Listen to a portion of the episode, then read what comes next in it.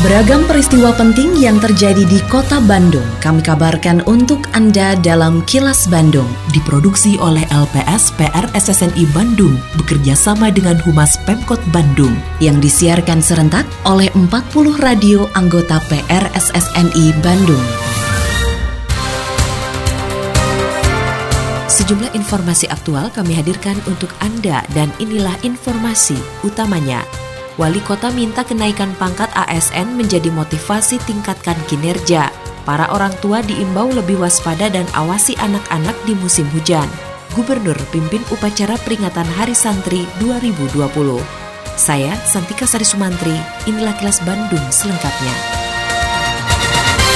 Wali Kota Bandung Oded M. Daniel mengatakan kenaikan pangkat yang sesuai dan tepat waktu merupakan bentuk apresiasi pimpinan kepada para aparatur sipil negara atau ASN. Oleh karenanya harus menjadi momentum bagi para ASN untuk lebih bersyukur kepada Sang Pencipta. Menurutnya ada tiga indikator untuk menjadi pribadi yang dapat bersyukur, yaitu dengan amanah yang diterima, dapat menciptakan dan menghadirkan banyak kebaikan, juga menghadirkan ketaatan, serta rasa cinta kepada Sang Maha Kuasa. Pesan tersebut disampaikan Oded usai menyerahkan secara simbolis 15 SK kenaikan pangkat kepada ASN di lingkungan Dinas Pendidikan Kota Bandung pada Rabu kemarin. Selain bersyukur, Oded juga meminta agar kenaikan pangkat tersebut menjadi motivasi bagi para ASN untuk meningkatkan kinerjanya, termasuk untuk terus memberikan pelayanan terbaik bagi masyarakat. Saya berharap bisa disampaikan tetap pesan Oded, kita harus menjadi hamba-hamba Allah yang paling bersyukur. Kalau bersyukur itu indikatornya adalah satu dengan amanah jabatan ini,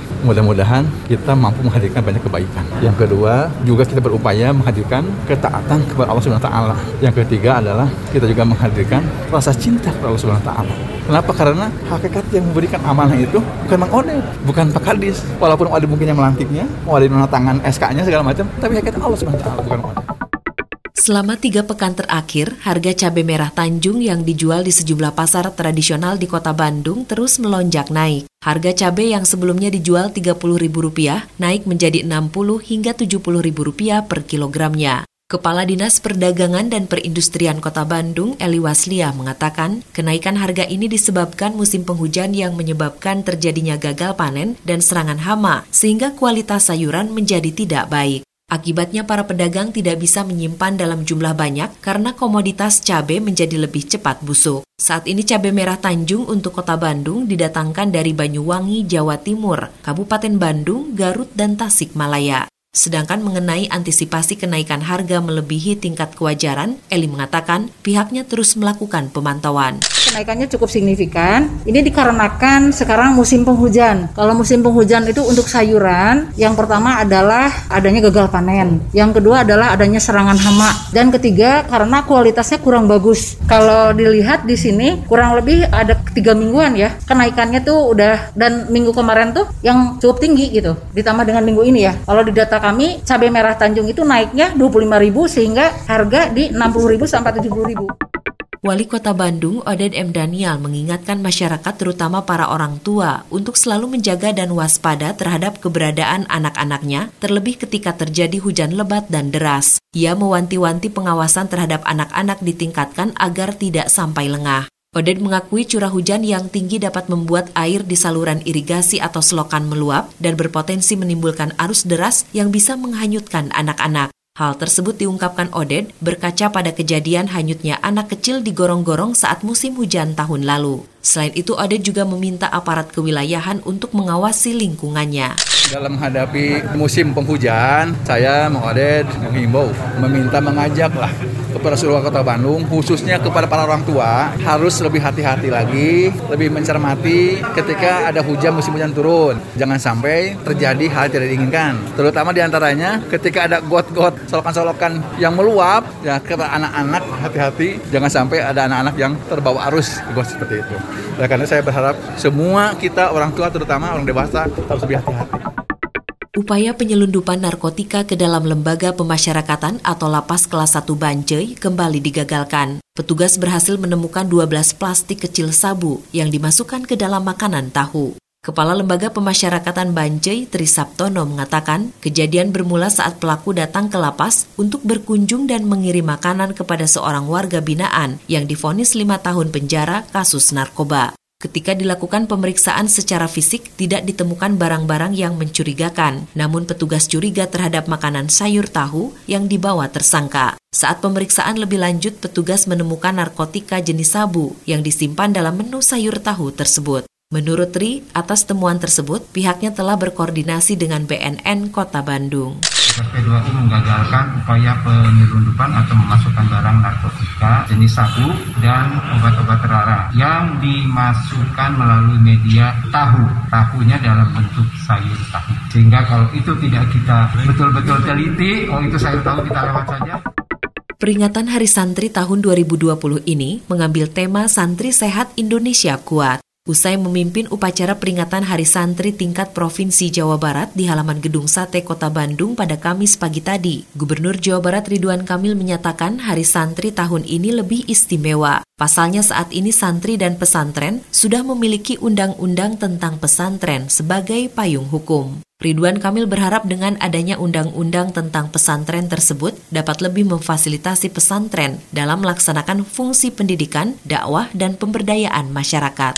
Alhamdulillah di tahun ini peringatan Hari Santri ada istimewanya yaitu diloloskannya undang-undang pesantren ya. Ini menandakan negara akan memfasilitasi kewajiban dari program maupun anggaran yang selama ini berbeda-beda. Selama ini ada yang terlewat gitu kan karena pendidikan pesantren tradisional khususnya sering kali kurang mendapat atensi. Mudah-mudahan dengan hadirnya undang-undang pesantren membuat suasana Hari Santri 2019 ini menjadi luar biasa. Kini, audio podcast siaran Kilas Bandung dan berbagai informasi menarik lainnya bisa Anda akses di laman kilasbandungnews.com.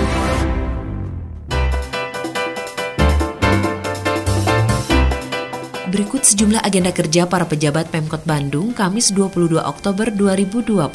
Wali Kota Oded M. Daniel menerima silaturahmi direksi dan pimpinan PT KAI Daops 2 Bandung. Selanjutnya mengikuti penilaian kinerja stunting di Kota Bandung. Sementara itu, Wakil Wali Kota Bandung Yana Mulyana membuka pelatihan jurnalistik multimedia dan sertifikasi jurnalis Bandung 2020.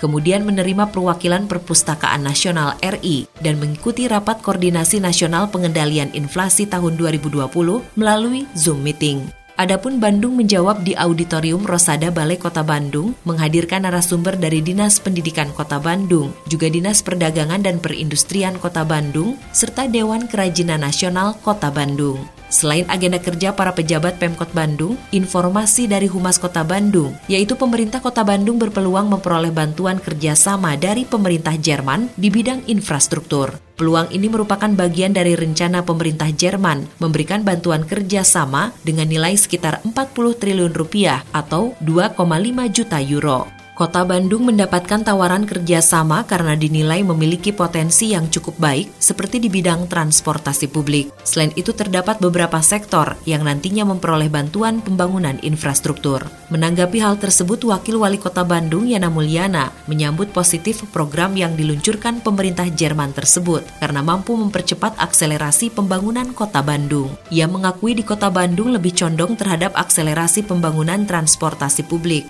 Demikian agenda kerja para pejabat Pemkot Bandung dan info aktual yang diterima redaksi LPSPR SSNI Bandung dari Humas Pemkot Bandung.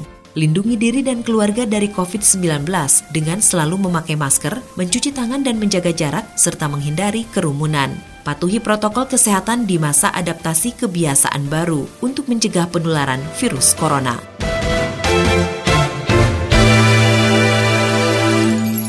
Terima kasih Anda telah menyimak Kilas Bandung bekerja sama dengan Humas Pemerintah Kota Bandung yang diproduksi oleh LPSPR SSNI Bandung.